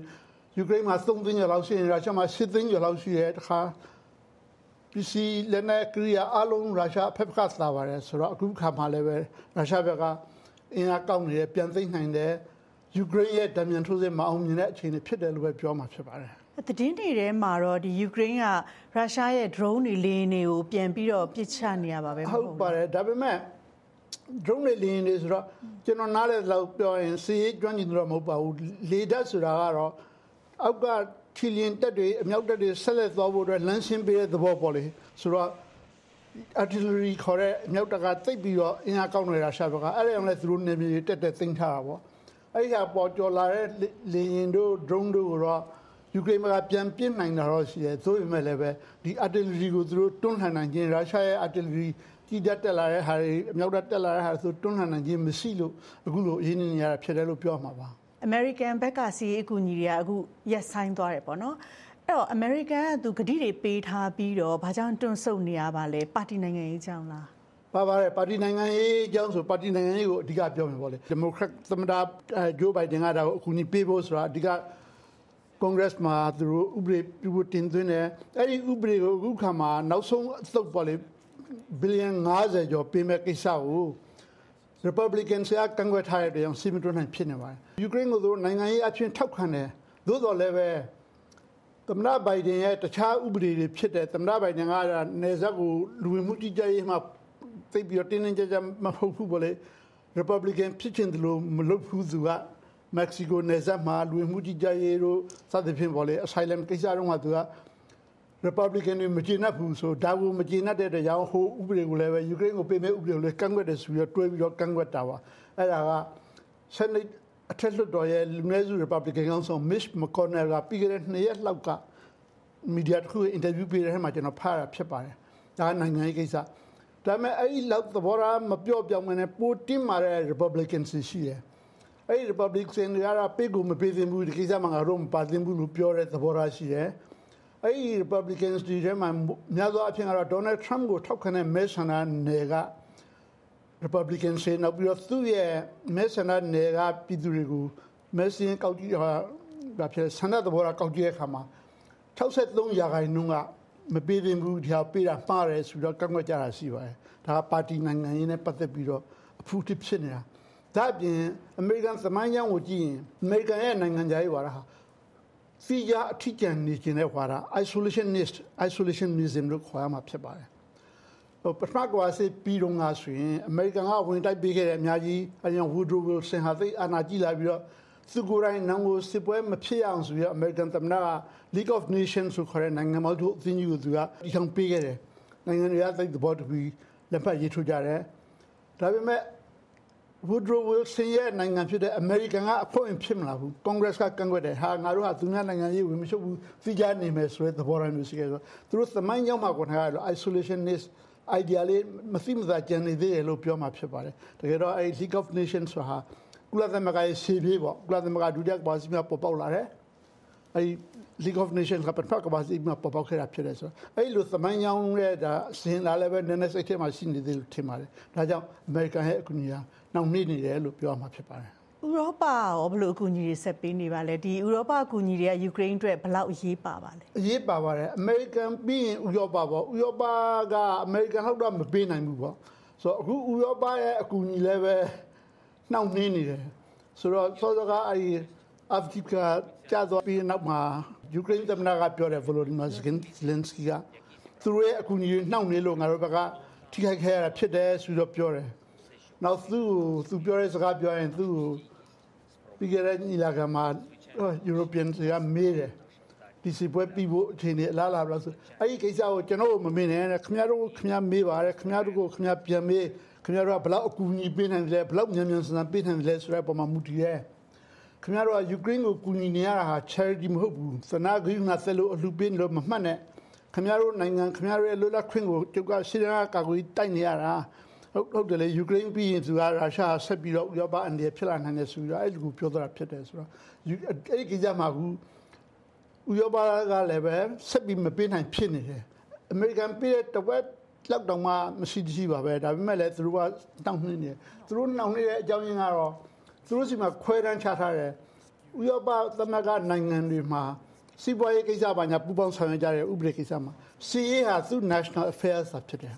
စီရေးကိစ္စနဲ့ပတ်သက်ပြီးတော့ စီးရေးမှာသဘောတူညီမှုမရှိဘူးနေတိုးမှာရှိတယ်ဥရောပသမဂ္ဂအနေနဲ့မရှိဘူးဆိုတော့ဥရောပသမဂ္ဂတွေမှာသူတို့နိုင်ငံရဲ့တိုင်းပြည်ဗန္ဒာရေးအချိုးအစားလိုက်ပေးရတယ်ဆိုဂျာမနီကဗန္ဒာရေးအတောင်းတင်ဆုံးဆိုသူအများဆုံးပေးရတယ်အဲ့ဒီကိစ္စမှာလည်းနည်းနည်းမကြည့်မလဲဖြစ်တယ်သူနဲ့ငါများဆိုတဲ့ကိစ္စရှိတယ်လို့သိရပါတယ်နောက်တစ်ခုကလည်းအမေရိကန်နှောင့်နှင်းနေတဲ့ကိစ္စအမေရိကန်မှာနောက်ပိုင်းမှာဘယ်လိုဖြစ်လာမလဲဘာညာဆိုတာသူတို့စောင့်ကြည့်နေတဲ့သဘောလေးဖြစ်မယ်အဲ့ဒီဟာလည်းပါတယ်လို့ထင်ပါတယ် ဒီမှာဒီ American ရဲ့ Ukraine ပေါ်သဘောထားဥရောပနိုင်ငံတွေနဲ့ဘာကွာလို့ပါလဲအာဥရောပကဘူရေးကြည့်တယ်အစကတည်းကဥရောပဟာကမ္ဘာစစ်တွေဖြစ်ရင်ဥရောပမှာပဲဖြစ်မလဲအခုရုရှားနဲ့စစ်ဖြစ်လာရင်လည်းဥရောပပဲဖြစ်မှာအမေရိကန်ကတပုတ်တရားကြီးချထားတာရောက်လာမှာမဟုတ်ဘူးဆိုတော့အဓိကအဲကြောင့်ဥရောပမှာစစ်ဖြစ်တိုင်းအမေရိကန်အစတက်တက်ကြွကြွမပါခဲ့ဘူးဒုတိယကမ္ဘာစစ်လည်းသူတို့ပေါ်ဟာဗတ်ပညာပြစ်လာတဲ့ခါမှာကဲသူတို့ဝင်နေဆွေးလုပ်လိုက်တာဖြစ်တယ်ဆိုတော့များသောအားဖြင့် ဥရောပကပူခန်းရတယ်ဥရောပနဲ့အမေရိကန်ကွာတာကဒနာအင်အားချင်းကွာတယ်နောက်ပြီးတော့အဲစီးရဲ့ဒဏ်ကိုပထမဆုံးထိတွေ့ရမယ့်အနေအထားမှာအမေရိကန်နဲ့နဲ့ရှောင်နေလို့ရတဲ့သဘောရှိတယ်ဥရောပခံရမယ်သို့တော့အမေရိကန်ဟာလည်းပဲဥရောပဟာအမေရိကန်တဲ့သိအရေးကြီးတယ်ဘာကြောင့်လဲဆိုတော့အမေရိကန်ရဲ့ prosperity ချမ်းသာကြွယ်မှုကဥရောပရဲ့ချမ်းသာကြွယ်မှုနဲ့ဆက်နွယ်နေတယ်ဥရောပချွတ်ထုံကြရဲ့အမေရိကန်ချွတ်ထုံကြသွားမှာပဲ ဒါကြောင့်ဒုတိယကမ္ဘာစစ်ပြီးတဲ့အခါမှာဥရောပကစစ်ဖြစ်ပြီးတော့နလန်မထူနိုင်ဖြစ်နေတဲ့အခါ Marshall Plan တို့ဘာလို့စီမံကိန်းတွေဘာတွေလုပ်ပြီးတော့အမေရိကန်ကဥရောပနလန်ထူထောင်ရေးကိုလူပြီးခဲ့ရတာဖြစ်တယ်ဆိုတော့အဲ့ဒီခုတော့ဆက်ဆက်နေပါတယ်သို့တော်လည်းပဲစစ်တမ်းကိုတိုက်ရိုက်ခံရတဲ့ခါတော့ဥရောပကပူပြီးတော့ခံရတယ်ဒါကြောင့်ဥရောပကပူပြီးတော့စိုးရင်သင့်တယ်လို့ယူဆကြပါတယ်ငါအဲယူကရိန်းစစ်ပွဲအဆုံးသတ်ဖို့ကအမေရိကန်နဲ့အနောက်နိုင်ငံတွေပေါ်မှာလုံးဝမူတည်နေရဆိုတဲ့သဘောပါလားပြောနိုင်ပါတယ် ယူကရိန်းကရုရှားကိုဘယ်လိုမှစင်အားဖြင့်မမီနိုင်ပါဘူးအဲဒါကြောင့်လည်းပဲအဓိကလူဖြစ်တာနောက်ပြီးရုရှားကလည်းပဲယူကရိန်းကိုဝင်တိုက်ရတဲ့အကြောင်းရင်းပေါ့လေ2014ခရိုင်းမီးယားဘာညာစဖြစ်ခဲ့တယ်သူတို့ကယူကရိန်းကအနောက်နဲ့သိပ်နှိစက်သွားမယ်တကယ်တော့ဆိုဗီယက်ပြည်ထောင်စုကခွဲထွက်သွားတဲ့ပြည်တော့ပြည်နယ်တွေသမ္မတနိုင်ငံတွေကြီးကြဖြစ်လာတဲ့ဟာတွေအဲ့ဒီနိုင်ငံတော်တော်များများဟာရုရှားနဲ့ဆက်ဆံရေးမပြတ်ဘူးချစ်ချစ်ခင်နေတယ် ယူကရိန်းကြတော့ယူကရိန်းကတချို့ဟာနောက်ဖက်ကိုရင်းလာပြီးတော့ဥရောပသမဂ္ဂကိုဝင်မလို့လို့နေတိုးမလို့အဲ့လိုပြည်စံမျိုးဖြစ်လာတဲ့ကြောင့်စပြီးတော့ယူကရိန်းကိုအဲ့လိုမဖြစ်အောင်ရုရှားဘက်ကဟန်တာကျင်တဲ့သဘောနဲ့စလာတယ်လို့သုံးသပ်ကြတာဖြစ်ပါတယ်ဆိုတော့ဒါဟာဆက်တော့ဆက်ဆက်နေပေါ့လေအဲ့ဒီခုဟာတကယ်လို့များပေါ့နော်2024 American ရွေးကောက်ပွဲမှာ Donald Trump ကတကြောပြန်အနိုင်ရခဲ့မယ်ဆိုရင်ဒီ ယူကရိန်းပေါ်မှာ American ရဲ့သဘောထားမူဝါဒတွေကပြောင်းသွားနိုင်ပါလားအာဒေါ်နယ်ထရမ့်ကဘာပြောလဲဆိုတော့24နာရီအတွင်းမှာဒီဘက်ကိုရပ်ပလိုက်မယ်တဲ့ပြောရတော့ဟုတ်နေပဲဒါပေမဲ့နိုင်ငံရေးမှာရွေးကောက်ပွဲမတိုင်ခင်ပေးတဲ့ဂတိပေါ့လေအဲ့ဒါဟာအဲ့ election promise နဲ့တကယ်လက်တွေ့အာဏာရှိလာတဲ့အခါလုပ်ရတယ်တော့ကွာတတ်ပါတယ်အများထပ်တူမကြပါဘူးဒါပေမဲ့ဒေါ်နယ်ထရမ့်ကတော့တနည်းနဲ့သူကကြိုးစားမှာသူကရုရှားနဲ့ပူတင်နဲ့ပေါ့လေရုရှားနဲ့ဆိုတာလေသူကတင်းတင်းတင်းတင်းလည်းဆက်ဆက်မှု လူလာကြတဲ့လူဖြစ်တယ်ဆိုတော့အဲ့လိုလည်းဖြစ်ကောင်းဖြစ်နေမှာသူကတော့အဲ့လိုပြောနေတာပဲတချို့ကတော့အဲ့လိုမဖြစ်နိုင်ဘူးလို့လည်းပြောကြတယ်ဒါပေမဲ့တချို့ကတော့ဘယ်လိုသုံးသပ်လဲဆိုတော့ဒီယူကရိန်းဗိုလ်ချုပ်ကြီးတယောက်သုံးသပ်တာကျွန်တော်ကြားလိုက်တယ်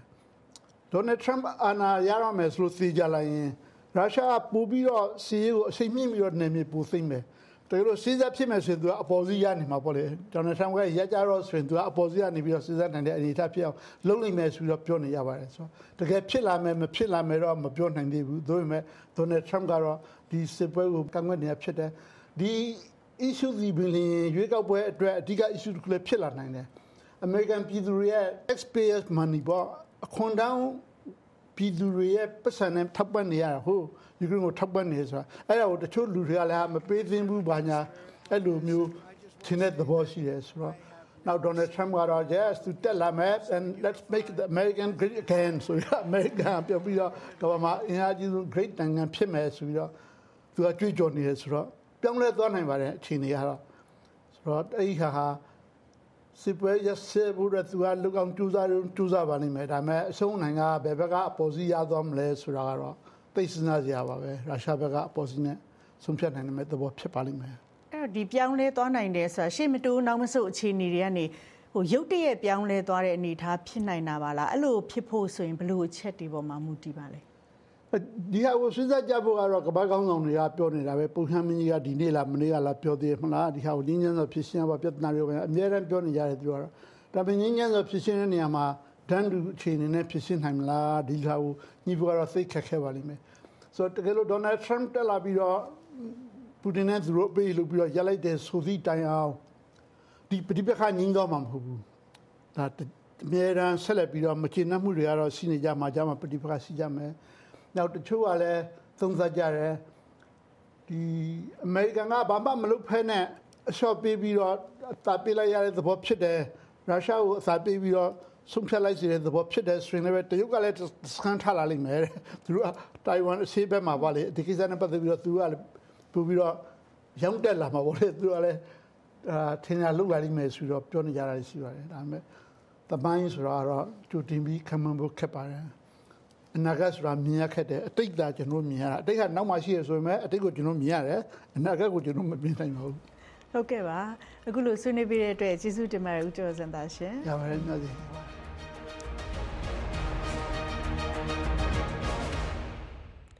ယူကရိန်းစစ်နဲ့ အမေရိကန် အကူအညီ ဆိုတဲ့ ခေါင်းစဉ်နဲ့ ဦးကျော်စံသားကို မမြတစင်အောင်က မေးမြန်းဆွေးနွေးထားတဲ့ editor နဲ့ ဆွေးနွေးခန်း အစီအစဉ်ပါရှင်။မကြခင်မှာတော့အားကစားကဏ္ဍကို တင်ဆက်ပေးဖို့ ရှိပါတယ်။အခုဆက်ပြီးတော့ Generation Z အစီအစဉ်ကို အလှည့်ပေးကြပါမယ်။အမေရိကန်ပြည်ထောင်စုမှာ ကျောင်းသားဗီဇာရပြီးတော့ကျောင်းတက်ခွင့်ရဖို့ဆိုတာ Generation Z လူငယ်အများစုရဲ့ အိပ်မက်ဖြစ်ပါတယ်။လက်ရှိအခြေအနေမှာအခက်အခဲအမျိုးမျိုးကြောင့် အမေရိကမှာ ကျောင်းတက်ခွင့်ရဖို့ လူငယ်တွေက ပြင်ဆင်မှုတွေ အများကြီးလုပ်ရပါတယ်။ သူတို့သွားတက်မယ့်ကျောင်းကို ရွေးချယ်လျှောက်ထားတာကအစ အမေရိကန်ပြည်ဝင်ခွင့်ဗီဇာရရှိဖို့အဆုံး ပြင်ဆင်လုပ်ကိုင်တဲ့နေရာမှာ သိထားသင့်တာတွေ ရှောင်ရှားရမှာတွေလည်းရှိပါတယ်။ဒီလို Generation Z လူငယ်တွေ သိချင်တဲ့မေးခွန်းတွေကို သိရအောင် Montgomery College မှာ ပညာသင်ယူနေတဲ့ ညီမငယ်တယောက်ကို မခင်လေးက စကားပြောထားပါတယ်။ ဟေ့ဂျန်ဇီရိုတက်ချင်ရောက်ပြီနော်ဂျန်ဇီရိုရေအကြောင်းမျိုးမျိုးကြောင့်အမေရိကမှာကျောင်းသားဗီဇာနဲ့လာပြီးတော့ကျောင်းတက်ချင်တဲ့လူငယ်တွေအတွက်ကိုကိုရိုင်းလည်းဒီမှာကျောင်းတက်နေပြီးတော့သူလိုပဲကျောင်းတက်ချင်တဲ့လူငယ်တွေကိုကူညီပေးနေတဲ့ညီမငယ်လေးတောင်းနဲ့ဆက်သွယ်ထားတယ်သူဘာတွေပြောမလဲဆိုတာနားထောင်ကြည့်နော်အာညီမနာမည်ကတော့များစီတာပါအာယခုလက်ရှိ Maryland Montgomery College မှာတက်နေရပါတော့ကျောင်းမတက်ခင်ပြင်ဆင်ရမယ့်အရာတွေကဘာတွေဖြစ်မလဲအဓိကအရေးကြီးဆုံးကတော့ကိုမှာပေါ့နော်ဆယ်တန်းအောင်ပြီးသားဆိုလို့ရှိရင်လည်းဆယ်တန်းအောင်လာမှတချို့ကျတော့ဟို private school တွေတက်တဲ့သူတွေကြတော့ဆယ်တန်းအောင်လာမှမရှိတဲ့အခါကျတော့သူတို့က GD လို့ IGC PSC လို့မျိုးဟာတွေဖြေထားတယ်ပေါ့နော်အဲ့ဒီဟာတွေရဲ့သူတို့လက်မှတ်တွေအဲ့ဒါလိုတယ်ပေါ့နော်အဲ့ဒါပြောလို့ရှိရင်ညီမတို့တက်မဲ့ကျောင်းပေါ်မူတည်ပြီးတော့ IELTS ပဲဖြစ်ဖြစ် TOEFL ပဲဖြစ်ဖြစ် SAT ပဲဖြစ်ဖြစ်ပေါ့နော်လက်ခံကြတယ်အခုနောက်ပိုင်းကျတော့ကျွေးမှုလက်ခံလာတဲ့ကျောင်းတွေရှိရပေါ့နော်အဓိကအရေးကြီးဆုံးကတော့အဲ့နှစ်ခုပေါ့နော်ကျောင်းရွေးတဲ့အခါရောဘယ်အချက်တွေကိုထည့်ပြီးစဉ်းစားသင့်တယ်လဲဆိုတာကိုလည်းသူကပြောပြထားတယ်အဓိကကတော့ research လုပ်ပေါ့နော်ကိုကကိုဖယ်ကိုသွားခြင်းနဲ့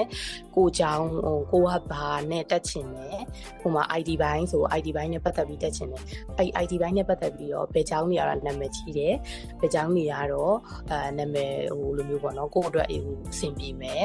အဓိကကတော့အဲ့ဒါပေါ့နော်စဉ်းစားမှာအကြောင်းရဲ့ဒီကျောင်းလာကပေါ့နော်ဒီကျောင်းလာကတွေထည့်သွင်းစဉ်းစားရမယ်အဲကျောင်းလာကကရောကိုနဲ့အဆင်ပြေတယ်အဲ့လိုမျိုးပေါ့နော် scholarship များတဲ့ကျောင်းလေးဆိုလို့ရှိရင်ကိုတက်တင်တယ်ရွေးချယ်တင်တယ်ပေါ့နော်အဲကိုကိုကလို့ရှိရင် best state တွေကတော့ကိုနဲ့တင့်တော်မယ်ဟိုကိုကကို research လုပ်ပေါ့နော် research လုပ်ပြီးတော့မှာရွေးချယ်ဖို့ဟိုကဖြစ်တာပေါ့နော်ကျောင်းလျှောက်တဲ့အခါမှာတကြောင်းနဲ့ပဲလျှောက်တင်သလားဒါမှမဟုတ်လို့ရှင်တကြောင်းနဲ့ပို့ပြီးလျှောက်တင်လားအဲ့လိုမျိုးလျှောက်တာရောဗီဇာလျှောက်တဲ့အခါမှာဘယ်လိုတက်ရောက်မှုရှိလဲဆိုတာကိုလည်းသူ့အတွေ့အကြုံနဲ့ရှင်းပြီးတော့ရှင်းပြထားတယ်ကျောင်းလျှောက်တဲ့ခါမှာဆိုလို့ရှိရင်ပေါ့နော်ဆယ်တန်းအောင်ပြီးသားတွေဒီတက္ကသိုလ်အောင်မတက်ရသေးဘူး အချို့ကြလည်းဒီ GD အောင်ပြီးသားတွေဒီမြန်မာပြည်မှာလည်း University မတက်ရသေးဘူးအဲ့လိုမျိုးဆိုတော့သူတို့တွေအသက်ကလည်းငယ်သေးတယ်ဆိုတော့သူတို့တို့အဆင်ပြေဆုံးကဒီ college တွေပေါ့နော် community college တွေကသူတို့တို့အဆင်ပြေဆုံးတချို့ကြတော့လည်းပေါ့နော်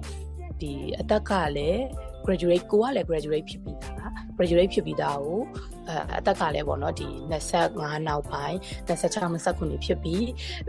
အဲ့ဒါကိုမှ college ထပ်ပြီးတော့ join မယ်ဆိုလို့ရှိရင်အကြောင်းညီမအထင်ရောအဆင်မပြေဘူးလို့ထင်တယ်ဒါပေမဲ့တချို့တွေလည်းရတဲ့လူရှိတယ်ဒါပေမဲ့အဲ့ဒါလည်းအရန်နေတယ်အာ100%မှာ10%လောက်ပေါ့နော်အဲ့လိုမျိုးလောက်ပဲရတာပေါ့နော်အဲ့ဒါကလည်းကိုယ့်အတွက်ကိုယ်ဗီဇာမှာပေါ့နော်ကိုယ့်အတွက် chance အရန်နေတယ်ပေါ့နော်ဘာလို့လဲဆိုတော့ဘာလို့လဲလဲ တက်ဒီဗမာပြည်မှာလည်းဟိုဘွဲဘွဲရပြီးသားလူတယောက်ကဒီမှာ college နှစ်နှစ်ပြန်တောက်ဖို့ဆိုတာပေါ့နော်သူတို့အတွက်တော့မယုံစရာမျိုးဖြစ်တာပေါ့နော်အဲအဓိကကတော့ဒီတချို့ interviewer တွေကကြတော့လေအကြောင်းကိုသူတို့ကနှစ်ကြောင်းလောက်ရှောက်တာကိုကြိုက်တယ်နှစ်ကြောင်းလောက်ရှောက်ထားပြီးမှကိုကဘယ်ကြောင်းဥမာညီမတော်ကဆိုလို့ရှိရင်လည်းမေးတယ်နင်ဘယ်ကြောင်းကြီးရှောက်ခဲ့လဲဆိုညီမတော်ကကြတော့နှစ်ကြောင်းရှောက်ခဲ့တော့ငါဒီကြောင်းဒီကြောင်းနေနှစ်ကြောင်းရှောက်ခဲ့တယ် အဲကြောင့်ရှောက်ခဲ့ဆိုတော့အဲ့ဆိုတော့သူနေပါနေပါပြီအဲ့လိုအဲ့ပေါ်မှာပေါ့နော်ညီမရဲ့တုံသက်ချက်ညီမမြင်ရအဲ့ပေါ်မှာသူဂျင်းနတ်ဟိုဂျင်းနတ်တဲ့ပုံစံမျိုးတော့ဖြစ်တယ်ပေါ့နော်ဗီဇာလျှောက်တဲ့အခါမှာရောဘာတွေတည်ထားတယ်လဲစောင်းရင်ရှောင်းရင်ရောဘာတွေရှိလဲ interviewer နဲ့တွေ့ဖို့ဆိုလို့ရှိရင်เนาะအဲဗီဇာဗီဇာများငယ်ညီမတို့ဒီအဲ appointment တင်ဖို့ပေါ့နော်ဒီတန်ရုံးမှာ appointment တင်ဖို့ I20 ရဲ့နောက်ပြီးတော့အဲ appointment တင်လို့ရ form ပေါ့နော် DS 160 အဲ့ဒါဖြည့်တဲ့အခါမှာအရင်အရေးကြီးပါတယ် DS 160 ဖြည့်တဲ့အခါမှာပေါ့နော်ကိုကိုတိုင်းဖြည့်ဖို့လို့တချို့ကျတော့လည်း agent တွေအပ်ထားတယ် agent တွေအပ်ပြီးတော့ agent ကိုပဲဖြည့်ခိုင်းနေဆိုလို့ရှိရင်အဆင်မပြေဘူးပေါ့နော်တချို့ agent တွေကြတော့လည်းဟို ဟိုဒီကိုယ့်အကြောင်းအရာနဲ့ပတ်သက်ပြီးတော့တလွဲတွေပေါ့နော်ဖြည့်ပြီးတာမျိုးလည်းရှိရပေါ့နော်အခါကျရင်အဓိကကနင့်နာမှာပို့ပဲပေါ့နော်ကို့မှာပဲ effect သွားဖြစ်တဲ့အခါဆိုတော့ DS160 ဖြည့်တဲ့အခါကျရင်ကိုယ်တိုင်လည်းဖြည့်ဖို့လည်းလိုပဲပေါ့နော် အဲ့ဒီဟာမှာမမသူက interviewer ကမေးလာခဲ့မယ်နင်ချောင်းမနဲ့ချောင်းလျှောက်လဲဥမာထားပါကိုကအေးချောင်းအလိုက်ပြီးဆိုလို့ရှိရင်ကိုကတကယ်တမ်းလျှောက်တာနှစ်ချောင်းအဲနှစ်ချောင်းကိုအေးချောင်းချောင်းမရည်တယ်အမှမှာကိုက interview မှာကိုကပြောလိုက်မယ်ငါချောင်းလျှောက်တာငါဒီချောင်းချောင်းနှစ်ချောင်းလျှောက်တာဆိုလို့ရှိရင်အမှလွယ်သွားသွားပြီကိုရဲ့ DS160 မှာဖြည့်ထားတော့တစ်မျိုးသူ့ကိုပြောတော့တစ်မျိုးအဲ့ခါကျရင်ကိုကလိန်ကလေးဖြစ်သွားပြီအဲ့ခါကျရင်ပေါ့နော်အော်ငါ့ကိုလိန်နေတာလားဆိုပြီးသူလည်းတွေးကောင်းတွေးနိုင်တယ်အဲ့တော့ကိုရဲ့ဗီဇာပေါ့နော်ပဲချက်ဖြစ်နိုင်ခြင်းများတယ်ပေါ့နော်ပြီးသွားရင်အဲကိုចောင်းသွားတတ်မှာမှန်တယ်ကိုចောင်းသွားတတ်မှာဆိုလို့ရှိရင်ကိုចောင်းသွားတတ်မဲ့အကြောင်းပေါ့နော်အဲ့ဒါကိုလိုတိုရှင်းပေါ့နော်လိုတိုရှင်းပြောပြဖို့လိုတယ်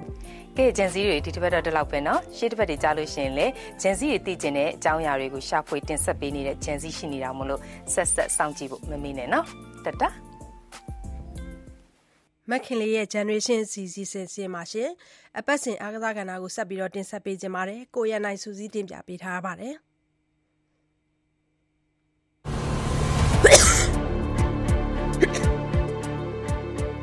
မင်္ဂလာပါကျွန်တော်ရန်နိုင်ပါ VOA ရဲ့တပတ်တွင်းအားကစားသတင်းတွေကိုတင်ဆက်ပေးသွားမှာဖြစ်ပါတယ်အင်္ဂလန်ကကာရာဘောဖလားဘောလုံးပွဲမှာတော့လီဗာပူးအသင်းကအချိန်ပိုမှာတွင်းတဲ့ဂိုးနဲ့အနိုင်ရပြီးတော့ချန်ပီယံဖြစ်သွားပါတယ်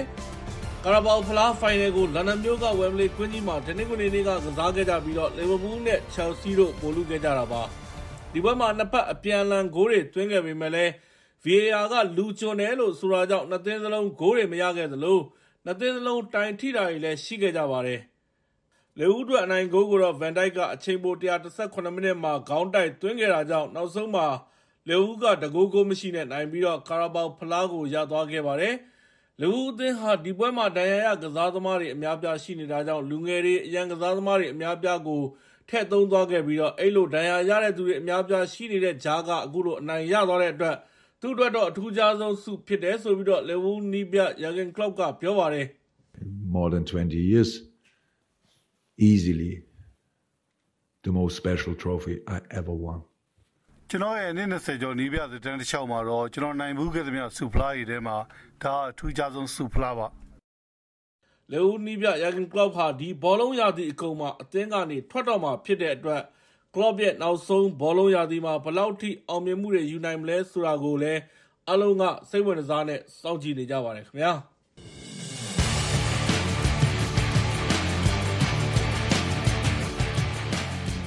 အင်္ဂလန်ဘက်က နောက်ထပ် ဘောလုံးသတင်းမှာတော့ လီဗာပူးရဲ့ မြို့ကန်ပြိုင်ဘက် Everton အသင်းဟာ Premier League ရဲ့စီမင်းစည်းကမ်းတွေကို ချိုးဖောက်မှုနဲ့10မှတ် shot ခံထားတာနဲ့ ပတ်သက်ပြီးတော့ပြည်ထောင် shot ပေးဖို့ အယူခံဝင်တာ အနိုင်ရသွားခဲ့ပါတယ်။ Everton အသင်းကို မူလက10မှတ် shot ထားတာဖြစ်ပြီးတော့အခုကမှတော့10မှတ်ကနေ6မှတ်ပဲ shot လိုက်တယ်လို့ Everton အသင်းနဲ့ Premier League ကတနင်္လာနေ့မှာ အတည်ပြုခဲ့ပါတယ်။အခုလို ပြည်ထောင် shot ပေးလိုက်တဲ့အတွက် Everton အသင်းဟာ ၄ မှတ်ပြန်ရပြီးတော့ Premier League မှာလည်း အဆင့်15ကို ပြန်ပြီးတော့ တက်သွားခဲ့ပါတယ်ခင်ဗျာ။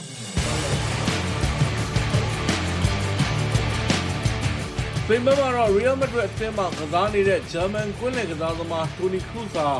ဂျာမနီလက်ရွေးစင်အသင်းအတွက် ပြန်ကစားမယ်လို့ ပြီးခဲ့တဲ့ခြာသာရီနေ့က ကြေညာလိုက်ပါတယ်။ Toni Kroos က သူ့အနေနဲ့ လာမယ့် match လကစပြီးတော့ဂျာမနီလက်ရွေးစင်အသင်းမှာ ပြန်ကစားတော့မယ်လို့ သူ့ရဲ့ လူမှုကွန်ရက်ကနေ ပြောပါတယ်။ဒါကြောင့် Toni Kroos ကို ဂျာမနီနိုင်ငံမှာကျင်းပမဲ့ Euro 2024ဥရောပဖလားဘောလုံးပွဲမှာ ကစားတာကို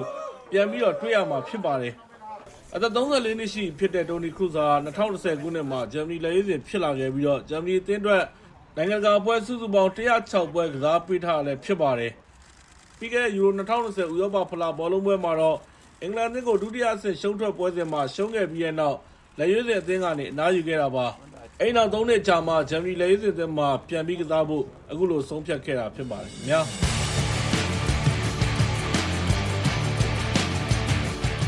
ဘရာဇီးနဲ့ ဘာစီလိုနာ နောက်တန်းလူဟောင်းဒန်နီအာဘတ်ကို စပိန်နိုင်ငံရဲ့ကာတာလန်တရားရုံးကတော့ ထောင်ဒဏ် ၄ နှစ်ခွဲ ချမှတ်လိုက်ပါပြီ။ဒန်နီအာဘတ်ကို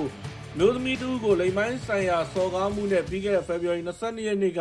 ဘာစီလိုနာမြို့ကကာတာလန်တရားရုံးက အဲ့လို အမိန့်ချမှတ်လိုက်တာပါ။တရားရုံးက အခုလို ဆုံးဖြတ်လိုက်တဲ့အပေါ်မှာ ကျေနပ်တယ်လို့ တရားလိုရှေ့နေဒေးဗစ်ဆန်ကတော့ပြောပါတယ်။ Estamos satisfechos porque al final es una condena que reconoce eh, lo que hemos sabido siempre, la verdad de la víctima. ဒီအမိန့်နဲ့ပတ်သက်ပြီးကျွန်တော်တို့ဘက်ကဂျင်းနဲ့ပါတယ်။ဘာလို့လဲဆိုတော့ဒါကကျွန်တော်တို့အမြဲပြောသလိုပဲဖြစ်ခဲ့တဲ့ကိစ္စကိုလက်ခံအသိမှတ်ပြုတာကြောင့်ပါ။ဒါပေမဲ့လည်းဒါနီအာလ်ဗက်စ်ရဲ့ရှေ့နေအီနက်စ်ဂွာဒီယိုလာကတော့ဒီအမိန့်နဲ့ပတ်သက်ပြီးတော့အထက်တရားရုံးကိုအယူခံဝင်သွားမယ်ဆိုပြီးတော့ပြောလိုက်ပါတယ် Vamos a recurrir la sentencia, que sigo creyendo y defendiendo la inocencia del señor Alves. El señor တရားရုံးကဒီအမိန့်ချမှတ်တာကိုကျမတို့အယူခံဝင်သွားမှာဖြစ်ပါတယ်။မ Mr. Elps အပြစ်မရှိဘူးလို့ကျမအနေနဲ့ယုံကြည်လက်ခံထားတော့မယ်ဖြစ်ပြီးတော့ဆက်ပြီးတော့လည်းခုခံကာကွယ်သွားမှာပါလေးနှစ်ခွဲဆိုတာကတော့တစ်ဖက်ကလျှောက်ထားတယ်လို့မျိုး9နှစ်တို့12နှစ်တို့ဆိုတာထက်တော့အများကြီးတော်ပါသေးတယ်ဘလို့ပဲဖြစ်ဖြစ်ကျမတို့ကတော့သူ့အနေနဲ့အပြစ်မရှိဘူးလို့ယုံကြည်တဲ့အတွက်ကြောင့်မလို့အယူခံဝင်သွားမှာပါရှင်။လရီအာလ်ဘတ်အနေနဲ့ထောင်ဒဏ်၄နှစ်ခွဲအပြင် ကျူးလွန်ခံလိုက်ရတဲ့ တရားလိုကို သူမရဲ့ နစ်နာမှုတွေအတွက် ယူရိုတသိန်းခွဲပေးဖို့ကိုလည်း တရားရုံးက ဆုံးဖြတ်လိုက်ပါတယ်။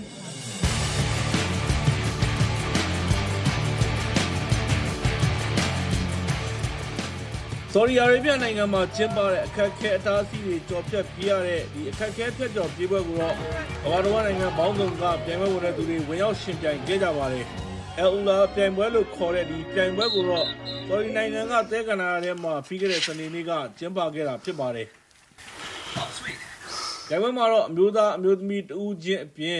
၄ယောက်အသင်းလိုက်ပြိုင်ပွဲဝင်တာတွေလည်းရှိခဲ့ပါတယ်။ဒီပြိုင်ပွဲမှာတော့ပြိုင်ပွဲဝင်တဲ့သူတွေဟာ10ကီလိုမီတာရှည်တဲ့အကွာအဝေးတစ်လျှောက်အခက်အခဲအတားအဆီးမျိုးစုံကိုကျော်ဖြတ်ပြီးတော့ပြိုင်ခဲ့ကြရတာဖြစ်ပါတယ်။ တောင်ကုန်းတက်ဆင်းတွေရေထဲကနေဖြတ်ကူးရတာတွေကျိုးနဲ့တွေ့တက်ရတာတွေဝမ်းရောက်မောက်သွားရတာစတဲ့အခက်အခဲမျိုးစုံပါဝင်ခဲ့ပြီးတော့အားကစားသမားတွေဟာ၈နာရီလောက်ကြာတဲ့အထိပြိုင်ခဲ့ကြရလည်းဖြစ်ပါတယ်။မျိုးသားဘက်မှာတော့ဗြိတိန်က John Albon ကအနိုင်ရပြီးတော့ Australia က Ryan Atkins ကဒုတိယ American က Mark Braders ကတတိယရသွားပါတယ်။အမျိုးသမီးဘက်မှာတော့ Elisa Petrova ကပထမရပြီးတော့ Nicole Marisol ကဒုတိယ Yanka Papova ကတတိယရသွားခဲ့ပါတယ်။ ဒီတိုင်ပွဲမှာ ပထမရတဲ့သူကတော့စုချင်းငွေအဖြစ်နဲ့ American ဒေါ်လာ8000လဲရရှိသွားခဲ့ပါတယ်ခင်ဗျာ။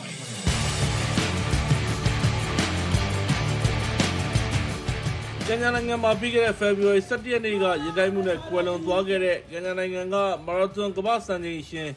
Kevin Kipton ရဲ့ နာရေးအခမ်းအနားကိုတော့ ပြီးခဲ့တဲ့တောက်ကြနေ့က ပြုလုပ်ခဲ့ပါတယ်။ Kipton ရဲ့ နာရေးအခမ်းအနားကိုကန်ညာနိုင်ငံ Rip Town ကြားက Nairobi မြို့မှာ ပြုလုပ်ခဲ့ပြီးတော့ လက်ရှိကန်ညာသမ္မတ William Ruto နဲ့ နိုင်ငံတကာပြေးကုန်ပြေးပွဲချုပ် ဥက္ကဋ္ဌ Sebastian Coe ပါဝင် လူရာနဲ့ချီပြီးတော့ တက်ရောက်ခဲ့ကြပါတယ်။အသက်24နှစ်သာရှိသေးတဲ့ Kipton ဟာ နိုင်ငံတကာ မာရသွန်ပြိုင်ပွဲ ၃ ခုသာ ဝင်ပြိုင်ရသေးပြီးတော့အဲဒီ ၃ ခုအတွင်းမှာပဲ ပြီးခဲ့တဲ့ အောက်တိုဘာလက ကျင်းပခဲ့တဲ့ ရှီကာဂိုမာရသွန်မှာ2မိနစ်35စက္ကန့်နဲ့ ကမ္ဘာ့စံချိန်တင်ခဲ့တာ ဖြစ်ပါတယ်ခင်ဗျာ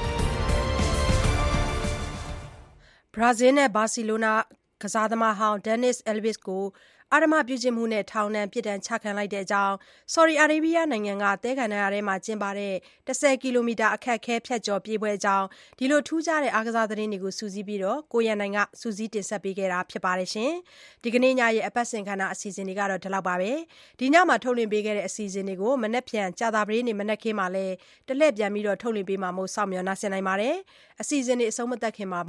ဗုဒ္ဓဖူးညရဲ့ နောက်ဆုံးရ သတင်းချင်းချုပ်ကို မခင်လေး ကတလှည့်ပြောပြပေးပါမယ် ဂါဇာမှာအပြစ်ရရေးနဲ့ဓားစာခံလွတ်မြောက်ရေးသဘောတူညီချက်သစ်ဖြစ်တဲ့အမေရိကန်သမ္မတဂျိုးဘိုင်ဒန်ရဲ့အဆိုပြုချက်နဲ့ပတ်သက်ပြီးကာတာ၊အစ္စရေးနဲ့ဟာမတ်စ်တို့ကဖြစ်နိုင်ခြေမရှိကြောင်းပြောဆိုလိုက်ပါတယ်။ပြီးခဲ့တဲ့သီတင်းပတ်ကပြင်သစ်နိုင်ငံပါရီမြို့မှာဆွေးနွေးခဲ့တဲ့မွတ်ဆလင်ဥပုသ်လအတွင်းရက်ပေါင်း၄၀ကြာအပစ်အခတ်ရပ်စဲမယ့်အစီအစဉ်ကိုတော့ဟာမတ်စ်ဘက်ကသဘောတူလက်ခံဖို့စဉ်းစားနေပါတယ်။ကာတာမှာရောက်နေတဲ့နှစ်ဘက်စလုံးကတာဝန်ရှိသူတွေကတော့အသေးစိတ်အချက်အလက်တွေညှိနှိုင်းဖို့ကြိုးစားနေကြပါတယ်။ မြန်မာနိုင်ငံအတွက် လူသားချင်းစာနာမှုအကူအညီ ရန်ပုံငွေအတွက် ဩစတြေးလျနိုင်ငံရဲ့ရက်ရက်ရော်ရော်ထောက်ပံ့ကူညီမှုကို ကျေးဇူးတင်ကြောင်း ကုလသမဂ္ဂ လူသားချင်းစာနာမှုဆိုင်ရာ ညှိနှိုင်းရေးမှူးရုံး UNOCHA က အရင်က Twitter လူမှုကွန်ရက်ဖြစ်တဲ့ X မှာ ဒီကနေ့ ရေးသားထားပါတယ်။ အကူအညီပမာဏ အတိအကျကို ဖော်ပြမထားပေမဲ့ ဩစတြေးလျနိုင်ငံကပေးတဲ့ အကူအညီတွေကို မြန်မာနိုင်ငံက လိုအပ်နေသူတွေလက်ထဲ ပေးအပ်သွားမှာဖြစ်တဲ့အကြောင်း X လူမှုကွန်ရက်မှာ ရေးသားထားတာပါ။ကုလသမဂ္ဂ လူသားချင်းစာနာမှုဆိုင်ရာ ညှိနှိုင်းရေးမှူးရုံး UNOCHA ကတော့ မြန်မာနိုင်ငံမှာ ၂၀၂၁ ခုနှစ် ဖေဖော်ဝါရီလ စစ်တပ်အာဏာမသိမ်းခင်က လူသားချင်းစာနာမှု အကူအညီ လိုအပ်တဲ့သူ ၁ သန်းပဲ ရှိခဲ့ပေမဲ့ အာဏာသိမ်းပြီး ၃ နှစ်အကြာမှာ ၁၈ သန်းအထိ တိုးလာခဲ့တယ်လို့ ပြောဆိုထားပါတယ်။ မြန်မာနိုင်ငံမှာ စစ်ကောင်စီက မကြာခင်က ထုတ်ပြန်လိုက်တဲ့ အရွယ်ရောက်ပြီး လူငယ်တွေ စစ်မှုမထမ်းမနေရ အမိန့်အပေါ် မြန်မာပြည်သူတွေ စိုးရိမ်ပူပန်နေတာကို စာနာနားလည်မိတဲ့အကြောင်း ဗြိတိသျှသံရုံး ရန်ကုန်အကြီးအကဲမစ္စတာခန်အိုဖလာရတီကရန်ကုန်မှာရှိတဲ့သံရုံး Facebook လူမှုကွန်ရက်မှာ သတင်းစကားပါထားပါတယ်။မြန်မာနိုင်ငံမှာ တာဝန်ထမ်းဆောင်နေတဲ့ တနှစ်တာအတွင်း လေ့လာခဲ့ရတဲ့အရာတွေကို ပြောဆိုရင်းမြန်မာ့နိုင်ငံရေး အခြေအနေတချို့ကိုလည်း ထည့်သွင်းပြောဆိုထားပါသေးတယ်။ ဗုဒ္ဓဟူးညရဲ့ နောက်ဆုံးရ သတင်းချင်းချုပ်ကိုမက်ခင်လေးက ပြောပြပေးခဲ့တာဖြစ်ပါတယ်ရှင်။ဒီကနေ့ညရဲ့ အစီအစဉ် ထုတ်လို့ရမှုကအလိမ္မာဖြစ်ပါတယ်။စက်ပိုင်းဆိုင်ရာ အင်ဂျင်နီယာတွေကတော့ Jonah Camin နဲ့ Robert Bass ဖြစ်ပါတယ်။ကျွန်မကစုမုံမှာဒီညအစီအစဉ်မှုဖြစ် တာဝန်ယူ တင်ဆက်ပေးခဲ့တာ ဖြစ်ပါတယ်ရှင်။ VOA ကနေအခုထုတ်လွှင့်ပေးခဲ့တဲ့ အသွမ်းလင်းအစီအစဉ်တွေကို အတန်လွင့် PPJ ည10:00နာရီကနေ17:00နာရီမှာလည်းတစ်ချိန်ပြန်ပြီးတော့ထုတ်လွှင့်ပေးတာမို့ စောင့်မျှော်နှားဆင်နိုင်ပါတယ်။ VOA ကို နားတော်ရဆင်ခဲ့တဲ့အတွက် ကျေးဇူးအထူးပဲတင်ရှိပါတယ်။ VOA ရဲ့ သောရရှင်များနဲ့တကွ မြန်မာနိုင်ငံသူ နိုင်ငံသားအားလုံး စိတ်ချမ်းသာ ကိုယ်ကျန်းမာ ဘေးပရာဝေးကွာလို့ လိုတဲ့ဆန္ဒတွေ ပြည့်ကြပါစေရှင်။